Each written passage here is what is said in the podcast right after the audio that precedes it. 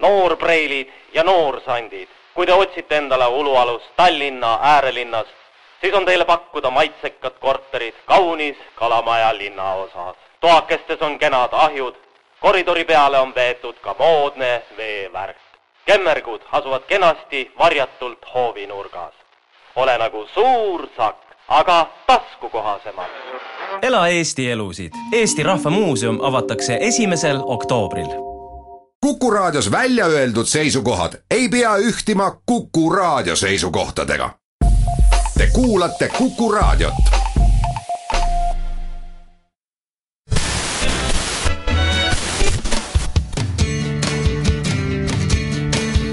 Radio Talsinki.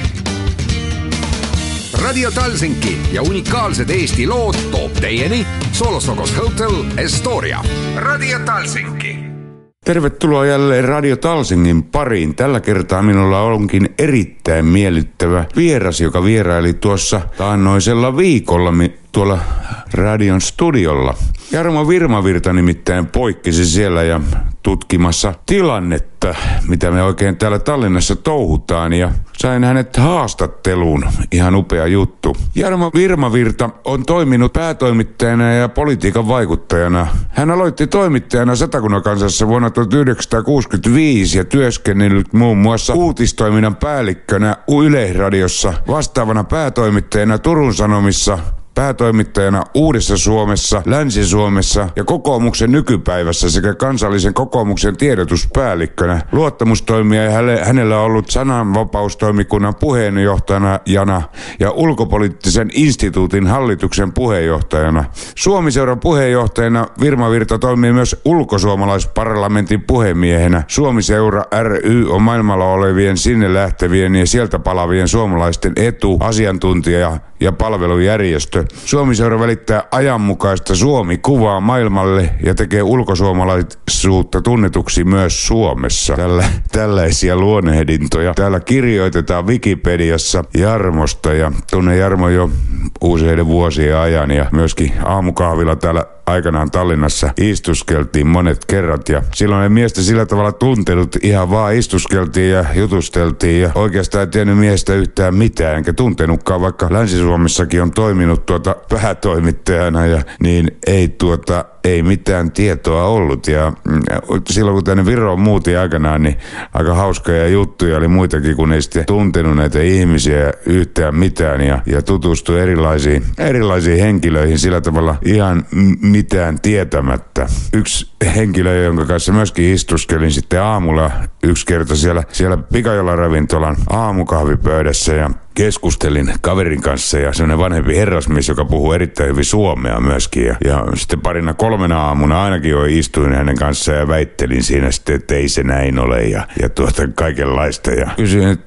että mikä se hänen nimensä on, niin Andres Andres Tarant oli tuota kysymyksessä ja sitten aloin tutkimaan vähän tarkemmin tuolta, että kene, kenestä oikein, oikein on kysymys, kun ei ketään tuntenut. Me, meillä, meillä monella virosuomalaisilla, kun tulee tänne, niin kun ei ketään tunne, niin ei tunne ja, ja niinhän se oli. No, Jarmo Virta oli vähän samanlainen tapaus minulle aikanaan. Erittäin mukava mies ja niin kuin tuossa edellä ku, kuulitte, niin melkoinen ura on myöskin takana. Hän kirjoitti myöskin Harri Holgerille, meidän pääministerillemme Suomessa aikanaan puheita ja väittäisin, että aika painavaa sanontaa ja Sim Kallakset ja muut tuntee erittäin hyvin Jarmo ja asunut myöskin täällä ja vieläkin kertoo tässä haastattelussakin, että hänellä on täällä tukikohta. Ja tervetuloa vaan Jarmo edelleen meidän haastatteluun ja kertomaan tuntoja aina kun siltä tuntuu. No niin, nyt lähdetään siis Jarmo Virmavirran aika pitkä haastattelu ja kaikkea ei saatu tähän tosiaankaan mahtumaan, koska lähetysaika on rajallinen, mutta olen ottanut tähän lähetykseen se katkelmia tästä Jarmo Virmavirran kanssa olevista keskusteluista. Lähdetään tässä liikkeelle ja kuunnellaan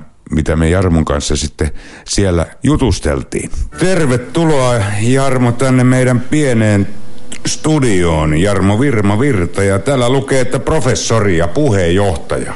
No joo, kyllä. Kiitos vaan. On oikein hauska tulla ja mielenkiintoista nähdä nämä teidän teidän toiminnot täällä. Pieni, pieni studio.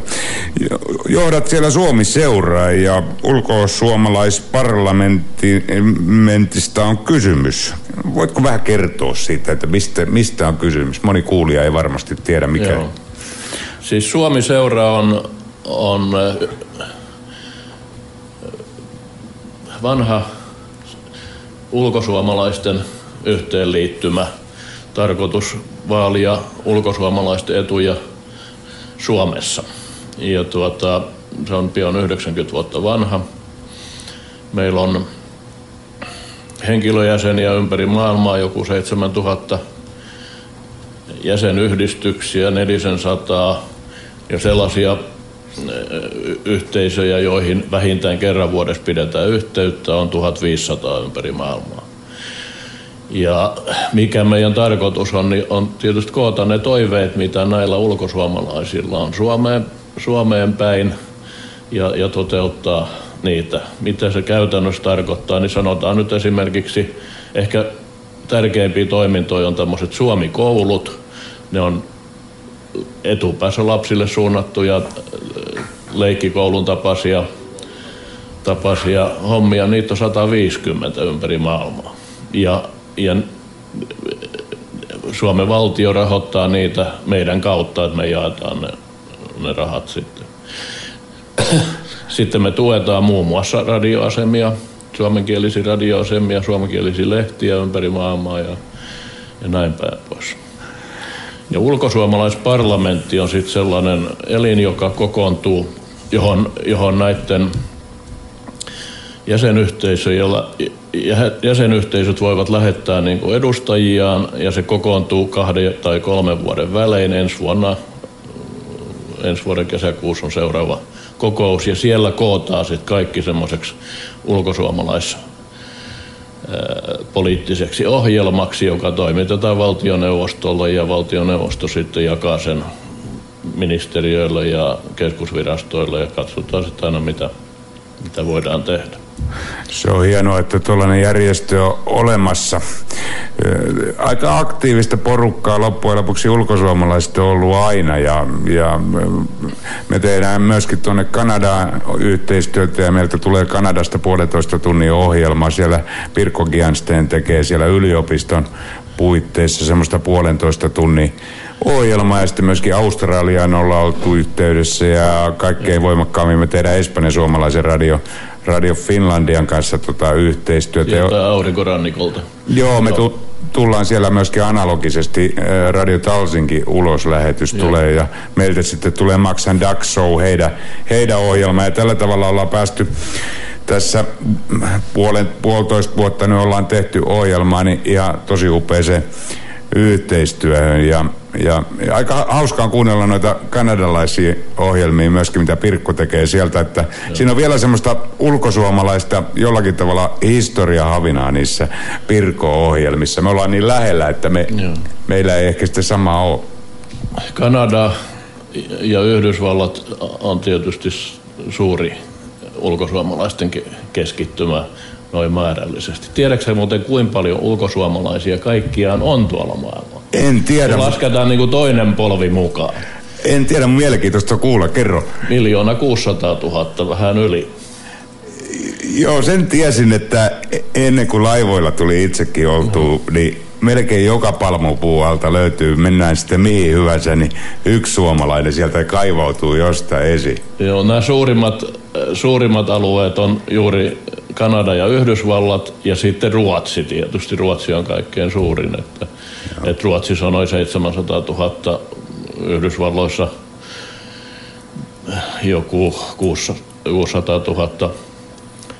Nehän, varsinkin Yhdysvalloissa olevat, olevat ulkosuomalaiset eivät kaikki enää puhu edes suomea, mutta, mutta haluavat pitää sen yhteyden yllä kuitenkin. Ja jos ajattelet, että kummonen voimavara tämä porukka on niin kuin Suomelle, niin sehän on valtava verkosto. Ja siellä on erilaisia ihmisiä paljon, siellä on yrittäjiä, siellä on keksijöitä, siellä on erilaisissa viroissa olevia ihmisiä.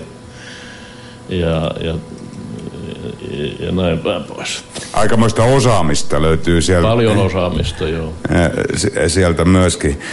Se on tosiaankin, tota, nyt kun ollaan Radio Espanja, fin, Finlandian kanssa siellä Espanjan suomalaisten kanssa tehty töitä, niin yhdessä siis, siis näitä radiolähetyksiä, niin meitä yhdessä kuunnellaan 130 eri maasta ja sivuilla vierailla. Et se on me, melkoinen määrä. Et tuntuu siltä, että myöskin radiotoimintaa maailmalla tarvitaan ja ihmiset ihan mielellään kuuntelee. Ja Suomessa kuunnellaan myöskin tosi mielellään sitä, että mitä me tehdään täällä. Että vaikka täällä Yleisradio kuuluu, niin, niin ihmiset mielenkiinnosta kuuntelee, miten me nähdään tätä viroelämää, joka el, elämme täällä. Joo.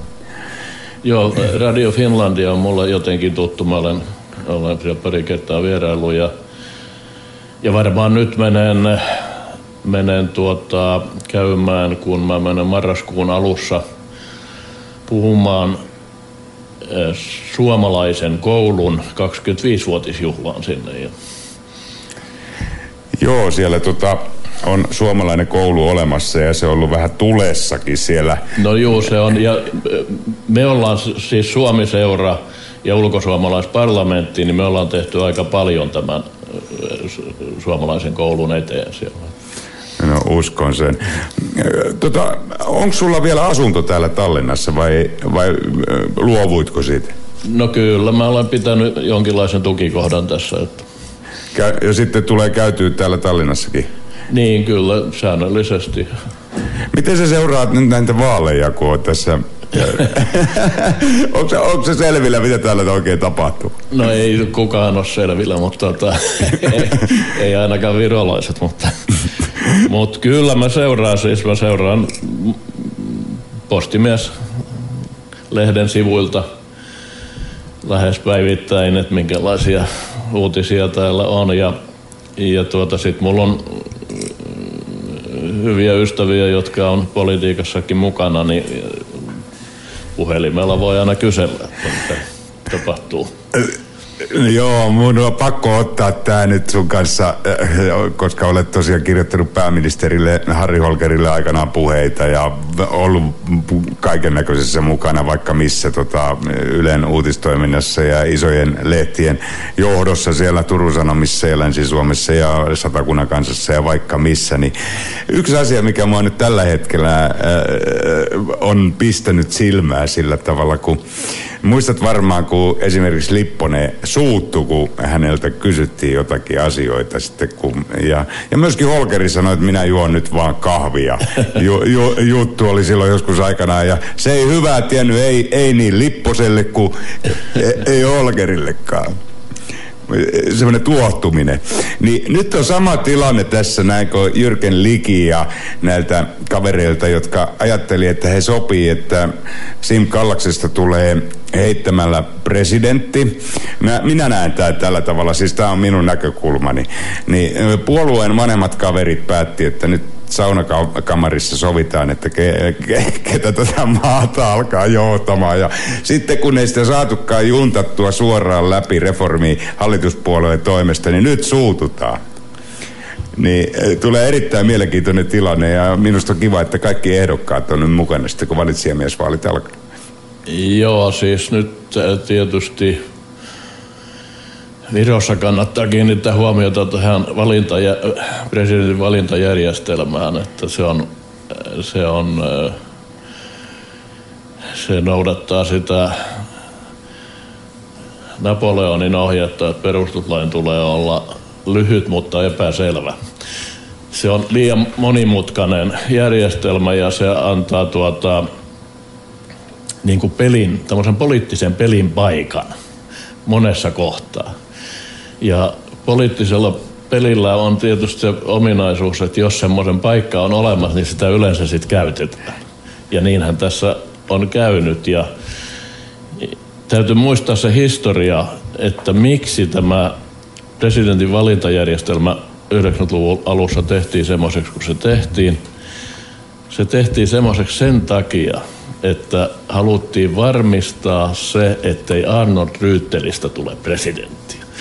Eikä hän näistä tullutkaan silloin ensimmäisellä kerralla, mutta, mutta silloinhan Meri valittiin suoraan kansanäänestyksellä ja, tota, Ja Ryyttel kyllä tämän järjestelmän ansiosta pääsi sitten vähän myöhemmin presidentiksi, eikä ollutkaan huono presidentti.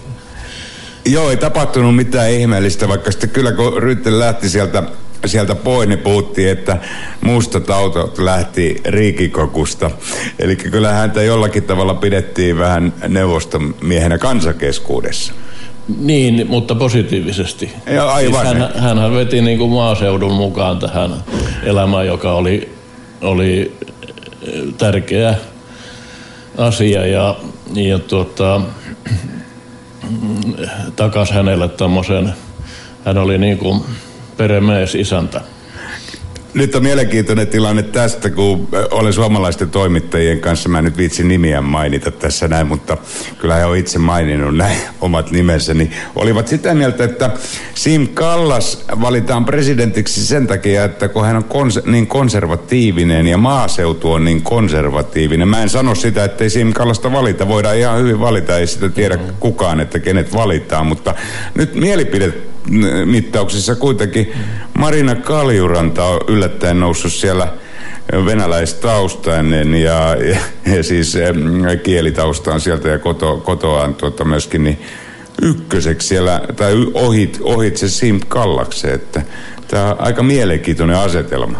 On, juu, kyllä se, kyllä se ilman muuta on.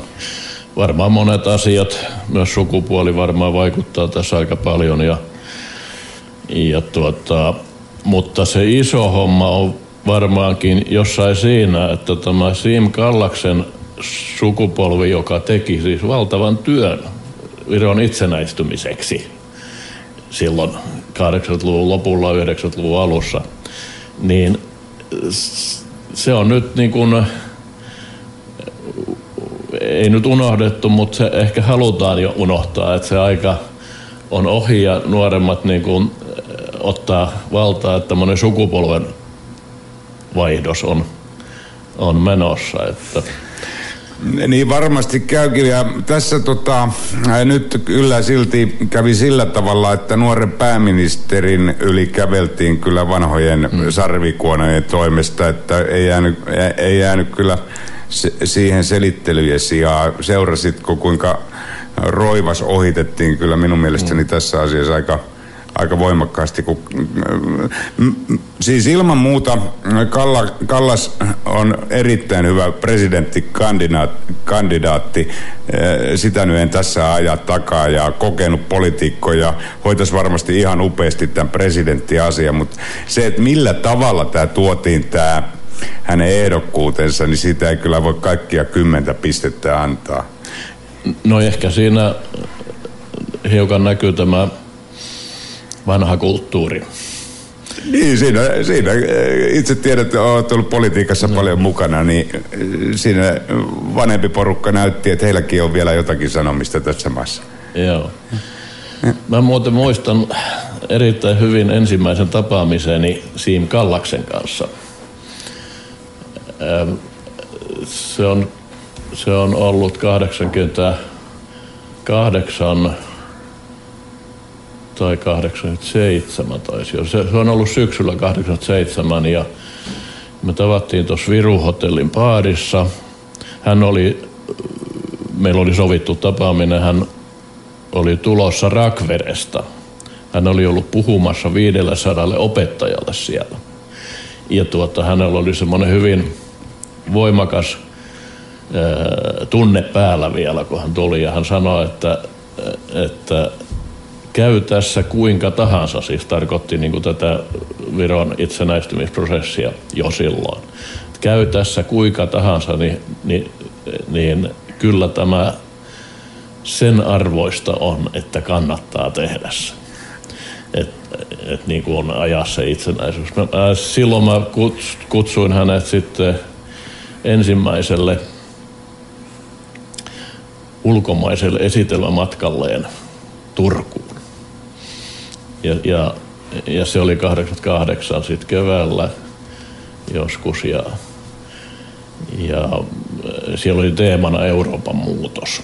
Ja Sim Kallas oli yksi, siellä oli muitakin, siis Länsi-Euroopasta tuota, ihmisiä, mutta Kallakseen tietysti kohdistui suuri mielenkiinto ja hän piti semmoisen suomen kielellä vielä, vaikka se ollut niin kovin hyvä, mutta, mutta kuitenkin piti semmoisen kiintoisan esitelmän, jonka hän lopetti siihen, että hän sanoi, että Neuvostoliitto hajoaa. Siinä hän oli oikeassa. Niin. Suomalainen yleisö 400-450 henkeä oli, sit kun mä olin puheenjohtaja, niin, niin tuota, tarjosin til, tilaisuuden kysymyksille tai kommenteille. Suomalainen yleisö oli aivan hiljaa. Ei, kukaan ei kysynyt mitään. Niin se on kato semmoinen varmaan tullut fiilis, että silloin kun joku Joo. päästään semmoiseen emävalheen, niin Joo, tulee ei. semmoinen hiljaisuus, että kukaan ei usko sitä. Sitten kun sit sen päälle oli tämmöinen, sen seminaarin päälle oli tämmöinen vastaanotto, ja tuota, niin kaikki ryntäs siihen Sim Galaksen ympärille ja kysymään, mitä sä tarkoitat? Jolloin Sim sanoi, että tarkoitin just sitä, mitä sanoin. Pidetään pieni katkos tässä välissä ja jatketaan sitten jälleen Radio Talsikin parissa ja Kukkuradion ja SS-radionkin laineilla.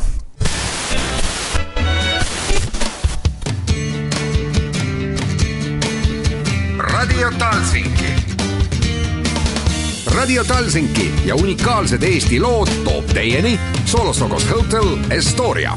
Radio Talsinki Radio Talsinki-ohjelman parissa jatketaan ja Jarmo Virmavirran haastattelun parissa kuunnellaanpa mitä mielenkiintoista kerrottavaa. Jarmolla on vielä lisää. Kuunnellaan myöskin musiikkia tässä välissä ja kauas vuorten taa Paplon esittämänä ihan upea biisi ja sen jälkeen heti lähdetään sitten jatkamaan tätä Jarmo Virmavirran haastattelua.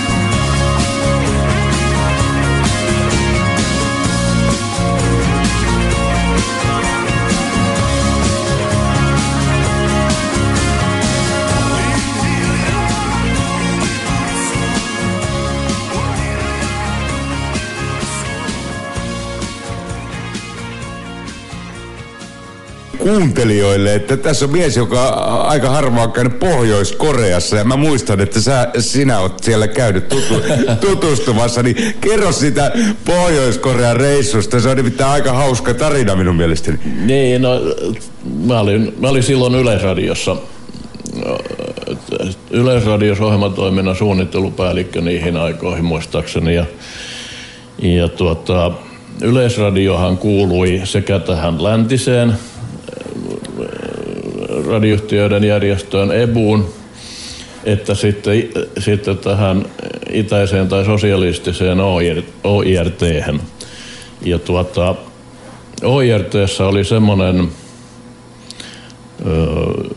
järjestelmä, että, että paitsi että kuuluttiin siihen järjestöön, niin sitten jokaisella radioyhtiöllä, jotka kuulu siihen, niin, niin piti olla tämmöiset kahdenkeskiset sopimukset myös. Ja totta kai nyt Euroopan puolella, Euroopan sosialistisiin valtioihin, niin semmoiset syntyi helposti eikä se ollut mikään ongelma, mutta sitten jäi roikkumaan tämä, kun pääjohtaja Raatikainen ei halunnut millään tätä, tätä äh, yhteistyösopimusta Pohjois-Korean kanssa, joka kuitenkin oli kuulunut siihen. Ja sitten se paine kasvoi niin, että, että, että jonain päivänä sitten Raatikainen sanoi, että hän että kyllä se nyt on pakko varmaan tehdä, että sinne täytyy sitten joku delegaatio lähettää. Ja sitten hän valitsi sen delegaation johtajaksi, radiojohtaja Keijo Savolaisen. Minkä takia? Sen takia, että Savolainen oli johtokunnan pisin henkilö muistaakseni 198 pitkä. Ja, niin. ja Raatikainen nautti sillä, että pitkä mies pienien korealaisten kanssa. ja, ja sitten laukun kantajiksi laitettiin Max Rand ja minut. Ja tämmöisellä delegaatiolla me tehtiin sitten, sitten kahdeksan päivän reissu sinne Pohjois-Koreaan ja olihan se, olihan se uniikki reissu. Että ei, mielenkiintoinen homma. Että ja sopimus solmittiin.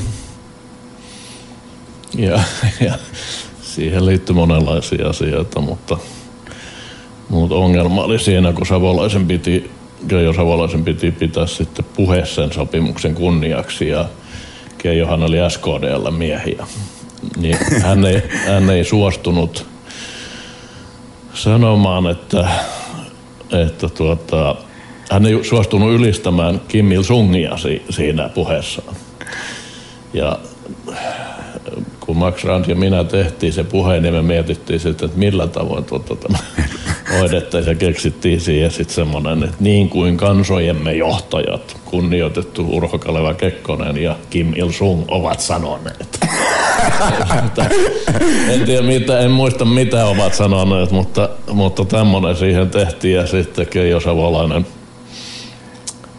hyvin nopeasti tämän lauseen sanoi, mutta sanoi kuitenkin.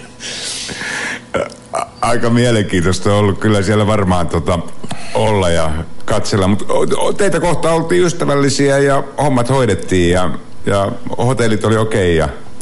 Joo, kyllä, kyllä, mutta et, sehän mitä sieltä nyt jäi mieleen, niin oli tietysti se, että me asuttiin semmoisessa hotelli, isossa, isohkossa hotellissa Pyongyangin keskustassa, joka oli ulkomaalaisille tarkoitettu. En mä tiedä kuinka paljon siellä oli väkeä, mutta ei mitään tungosta ollut. Mutta siitä jäi mieleen, että joka aamu herättiin kello kuusi siihen, kun koululaiset tuli sille vieressä olevalle torille harjoittelemaan paraatia, joka oli sitten varmaan se oli sen jälkeen, kun me oltiin lähdetty pois, mutta se oli Kim Il-sung täytti, oliko se 70 vai 80 vuotta, ehkä 80, ja sit, sitä juhlistettiin tämmöisellä paraatilla, jota ne koululaiset tuli harjoittelemaan joka aamu siihen, ja se, se meno oli niin kova, että siihen heräsi. Me käytiin myös Etelä-Korean rajalla ja tuota, ja sitten käytiin toinen mielenkiintoinen paikka, oli, oli, oli kolmisen tuntia Pyongyangista pohjoiseen, niin siellä on semmoinen kansojen ystävyyden talo. Se on messukeskuksen kokoinen rakennuskompleksi. Ja mitä siellä oli, niin siellä oli esillä Kim Il-sungin saamat lahjat. Lahjat, jossa oli paljon tietysti ulkolais, ulkomaisia lahjoja. Ne oli kaikki siellä. Siellä oli autoja ja siellä oli moottoriveneitä ja, ja siellä oli aseita ja, ja kaiken näköistä muuta. Ja me kierreltiin siinä kolme neljä tuntia ja sitten tultiin, tulikin, meidät johdatettiin mielenkiintoiseen paikkaan, eli se vitriini, missä oli Suomesta saadut lahjat. Mitä siellä oli? Siellä oli, siellä oli ensiksi Tampereen Sutse-seuran lahjoittamia kirjoja. Tampereen Sutse-seura oli aktiivinen tämän, se oli siis se Kim Il-sungin oppi, oli Sutse-oppi. Niin sen, sen tulkinta ja tul, tulkitsija ja kirjo, siellä jotkut kirjoitti ja käänsi varmaan niitä jotain kirjoja. Niitä siinä oli jonkun verran joku kirje, mutta sitten sitä vitriiniä hallitsi semmoinen ryijy. Iso valkoinen ryijy, johon oli punaisella kirjailtu keskelle Kim Il-sung. Keneltä se on? Ja suurella mielenkiinnolla menimme katsomaan että mitä siinä luki, niin siinä luki, että sen on lahjoittanut Lord Mayor of City Turku, Turun kaupunginjohtaja Väinö J. Leino.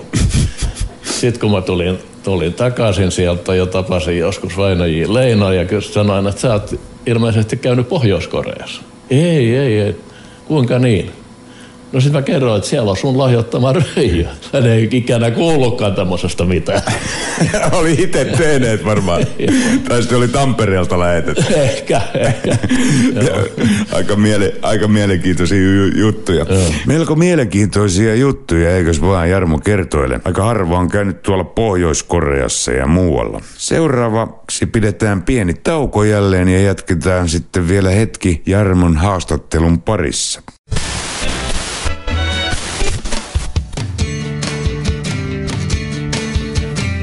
Radio Talsinki.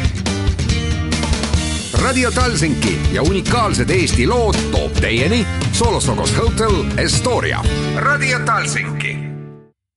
Radio Talsinki-ohjelman parissa jatketaan ja Kukkuradion aalloilla ja myöskin SSS-radion aalloilla. Ja tämä lähetys kuullaan myöskin siellä Espanja, Espanjassa Radio Finlandian kautta. Radio Finlandia Net siis lähettää tämän myös. Kuunnellaan vielä tässä välissä upea pies, biisi Suomi Neito, Sir Elwoodin hiljaiset värit.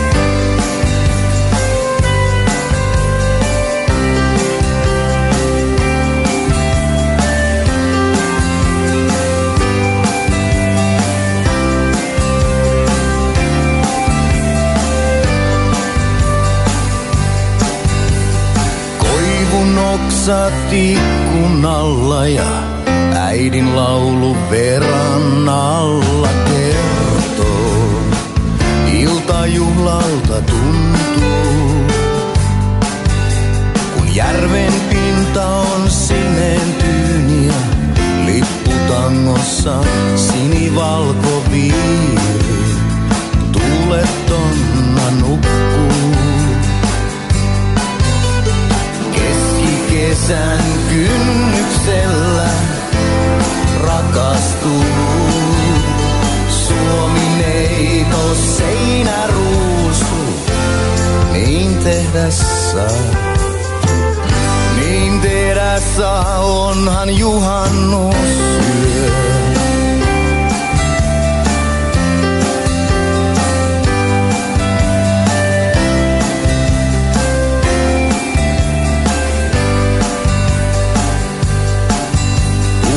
kenen kyljen kultaisen. Kimallus verkkainen niin kauniilta, tytön silmissä näyttää. Niihin ilta ikuinen heijastuu, kun savun tuoksussa hän antautuu. Ja taas vuoden naisena täyttää. Keskikesän kynnyksellä rakastuu. Suomineito seinäruusu, niin tehdä saa. Niin tehdä saa, onhan juhannusyö.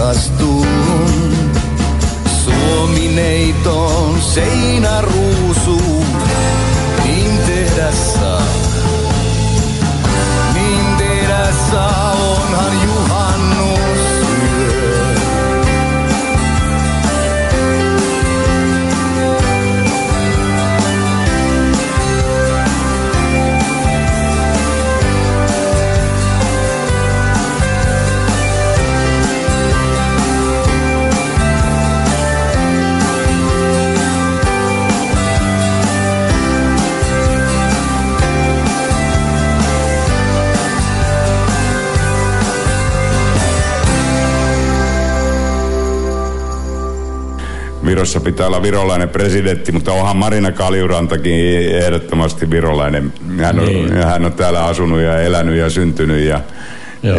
että aika mielenkiintoinen. Joo, kyllä mä sitä olen ajatellut juuri tätä hänen taustansa, että, että mahtaako se sitten kuitenkin asettaa sen esteen hänen presidentin, presidentiksi valinnalle loppujen lopuksi, mutta se nyt nähdään aika pian. Muuten oletko sä lukenut tuota, tämän Mart Helmen kirjan hänen Moskovan ajastaan? Hän oli, oli Moskovassa lähettiläänä silloin, kun, kun esimerkiksi venäläisten joukkojen vetäytymisestä sovittiin. En, en ole lukenut, mutta... Kremlin tähtete alla Aa, kirjan nimi ja se on, se on musta erinomaisen hyvä kirja ja hauskakin.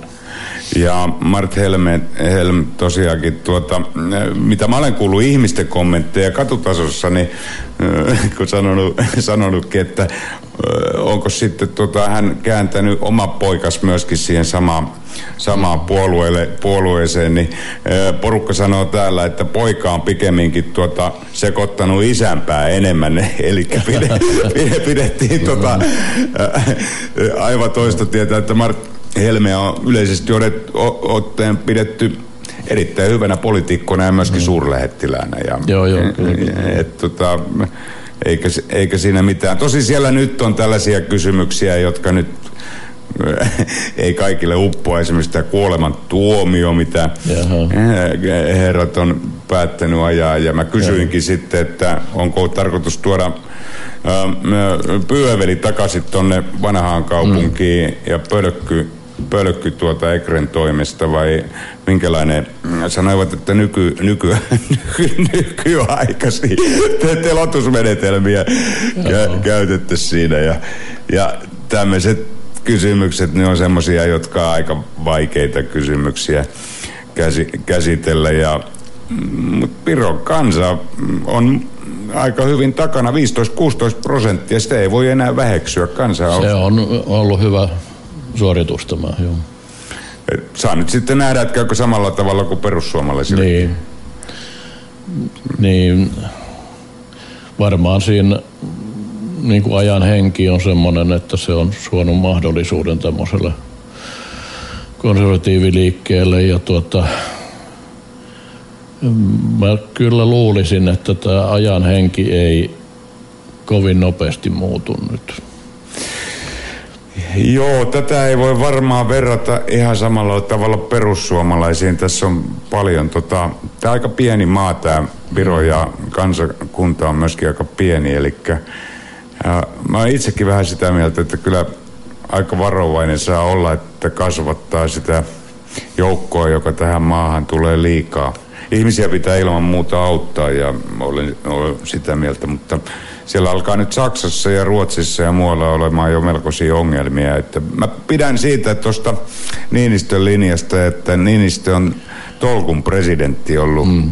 ja ajatellut niin maalaisjärjellä niin sanotusti näitä asioita eikä lähde venkoilemaan suuntaa sun toiseen ja pitänyt minun mielestäni hyvä linja näissä asioissa. Virheitä on tietysti tehty myöskin tässä. Siinä, siinä nyt tähän Viron tilanteeseen kannattaa muistaa se, että miten Suomen presidentti valitaan ja mitkä ovat presidentin valtaoikeudet. Valtaoikeudet on aika, nehän puhdistettiin tässä 2000-luvun, 2000, vuoden 2000 perustuslakiuudistuksessa aika minimiin.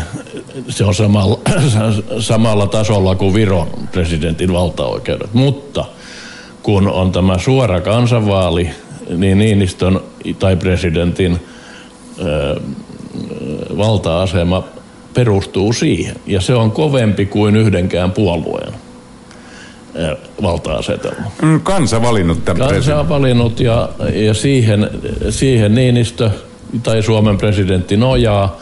Ja, ja se on, se on niin kuin aika hyvä tuki presidentille, oli ne valtaoikeudet mitkä tahansa.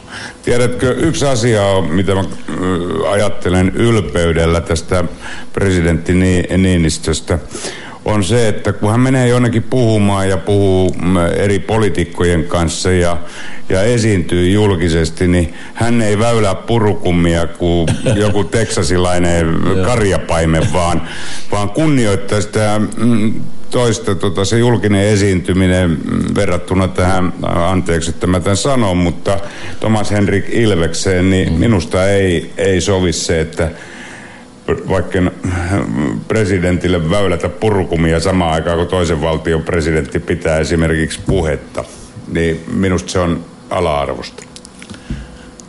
Ei tarvitse kommentoida. Ei tarvitse, mutta mun tulee vaan mieleen se ensimmäinen kerta, kun minä tapasin hänet.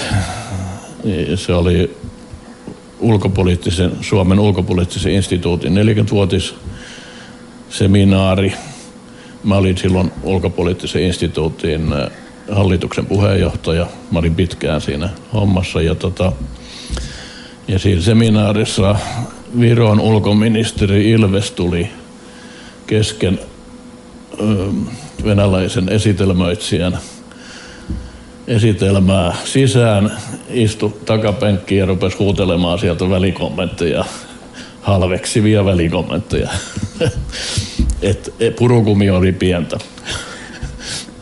Joo, se mm, mm, jo, jo, jollakin tavalla pitäisi pitäis niitä asioita sitten, en tiedä vaikut, ol, ol, onko sitä sitten itse liian vanhoillinen ja, ja, ja sillä tavalla, mutta mun mielestä mä tykkään kyllä, että presidentti Sauli Niinistö osaa käyttäytyä mm. noissa valtiovierailuissa ja muissa jutuissa, niin, niin minusta se on hieno taito ja, ja kunnioittaa sitä toistakin maata ja sen toisen maan kansaa, kun heidän johtomiehiä kunnioitetaan. Mm. Tämä on minun mielipiteeni. Ei tässä tota, se, siinä mielessä mitään oikein kiva, että tulit tänne meille käymään ja aletaan tässä vähitellen Jarmo, Jarmon kanssa lopettelemaan. Jarmo Virmavirta siis täällä minun kanssani toiminut monien, monien lehtien päätoimittajan Yleisradio uutistoimituksen päällikkönä olit vissiin ja, ja vaikka mitä kirjoitellut Holkeri Harrille joskus puheita ja politiikassa tietysti vaikuttanut ja, ja tällä hetkellä tuolla Suomi-seuran johdossa ää, luetaan nyt täällä, ettei sanota väärin, ulkosuomalaisparlamentin johdossa, eli ja Suomi-seuran rystä on kysymys.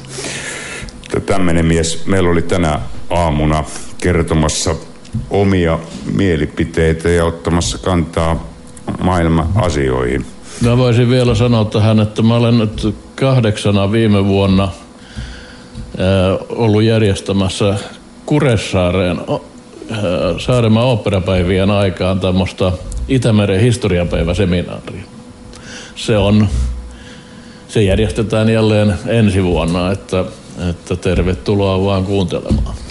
Siellä muhussa, kun itsekin tulee käyttyä usein, niin sinne täytyy tulla katsomaan, kun tiedetään noita päivämääriä ja kerrotaan sitten radiossakin niistä tarkemmin ja saadaan se porukka sinne liikkeelle. Varmaan mielenkiintoinen tapahtuma on kyseessä. Kiitoksia Jarmo oikein kovasti ja nyt sanon kuuntelijoille – sitten aletaan lopettelemaan tässä lähetystä. Minä lähden Rein Langin ja seuraavaksi sitten tuonne Radio haasta, haastattelemaan. Ja, ja, minä sanon Rein Langille, hän on nimittäin ollut perustamassa Kukkuradiota. Mä en tiedä, tunnetko miehen hyvin. Tota. Kyllä tunnen, että sano terveisiä vaan ja, ja Tapsa, onneksi olkoon sulle, että tämä homma, mitä sä nyt teet, niin vaikuttaa mielenkiintoiselta ja tärkeältä.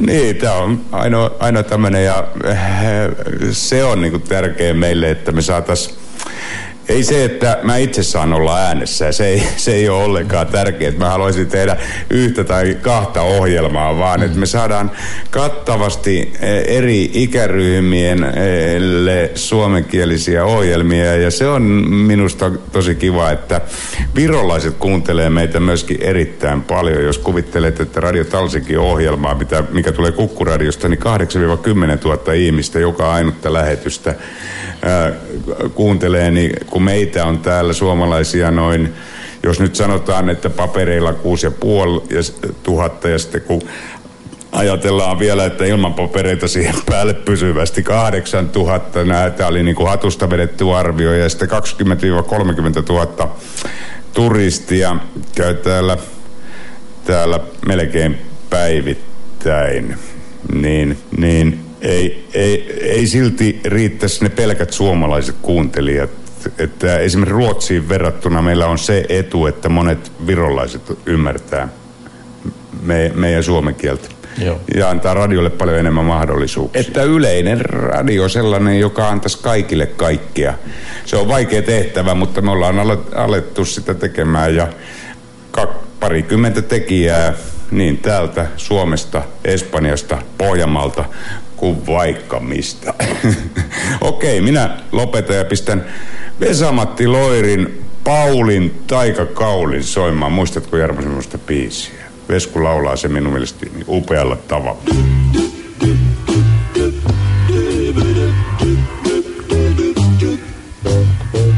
Pauli Luotonen, pulla pitkon muotonen, mies on verraton pienen leipomon perustanut on. Hän on paakari, vehnäpulla maakari, kuulu taidoiltaan. Taikinan hän saa aina nousemaan. Ja ryhtyessään leipomiseen hän tarttuu kaulimeen.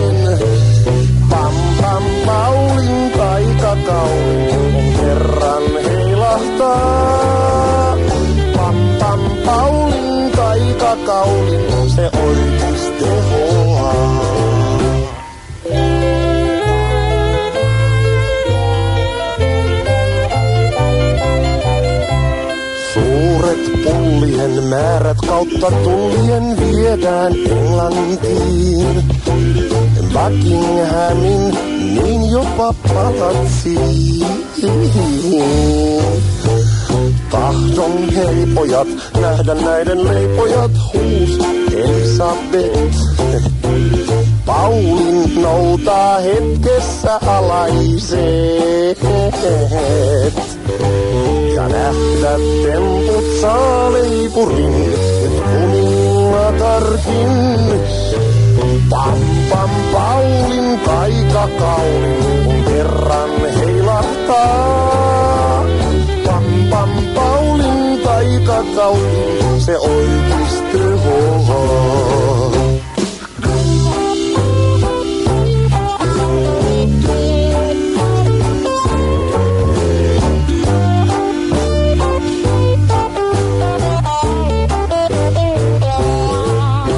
Suomen pankki ja uusi hovihankkija täyttää kukkaron.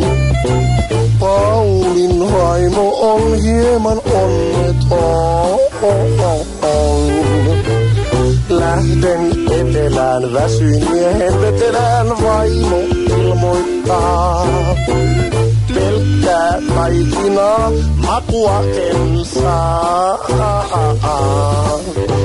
Mut Pauli ryhtyy tarmokkaisiin toimenpiteisiin. Pappam Paulin taikakaulin kerran heilahtaa. Pam pam Paulin taikakaulin se taikakaulin on. Pam pam Paulin taikakaulin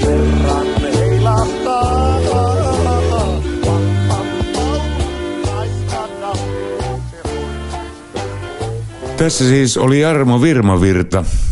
Hienoa, että saatiin mies studiolle. Toivotaan, että jälleen joskus uudestaan, kun tulee uusia reissuja tänne Tallinnaan, niin Jarmo saadaan nähdä myöskin meidän studiollamme ja varmasti, varmasti saadaan, niin en epäile sitä yhtään. Tässä siis tämänkertainen aika mielenkiintoinen Radio Talsinki. Olkaa jälleen ensi viikolla aalloilla ja kuunnellaan, mitä sitten keksitään uusia tuulia ensi lähetykseemme. Morjes vaan kaikille.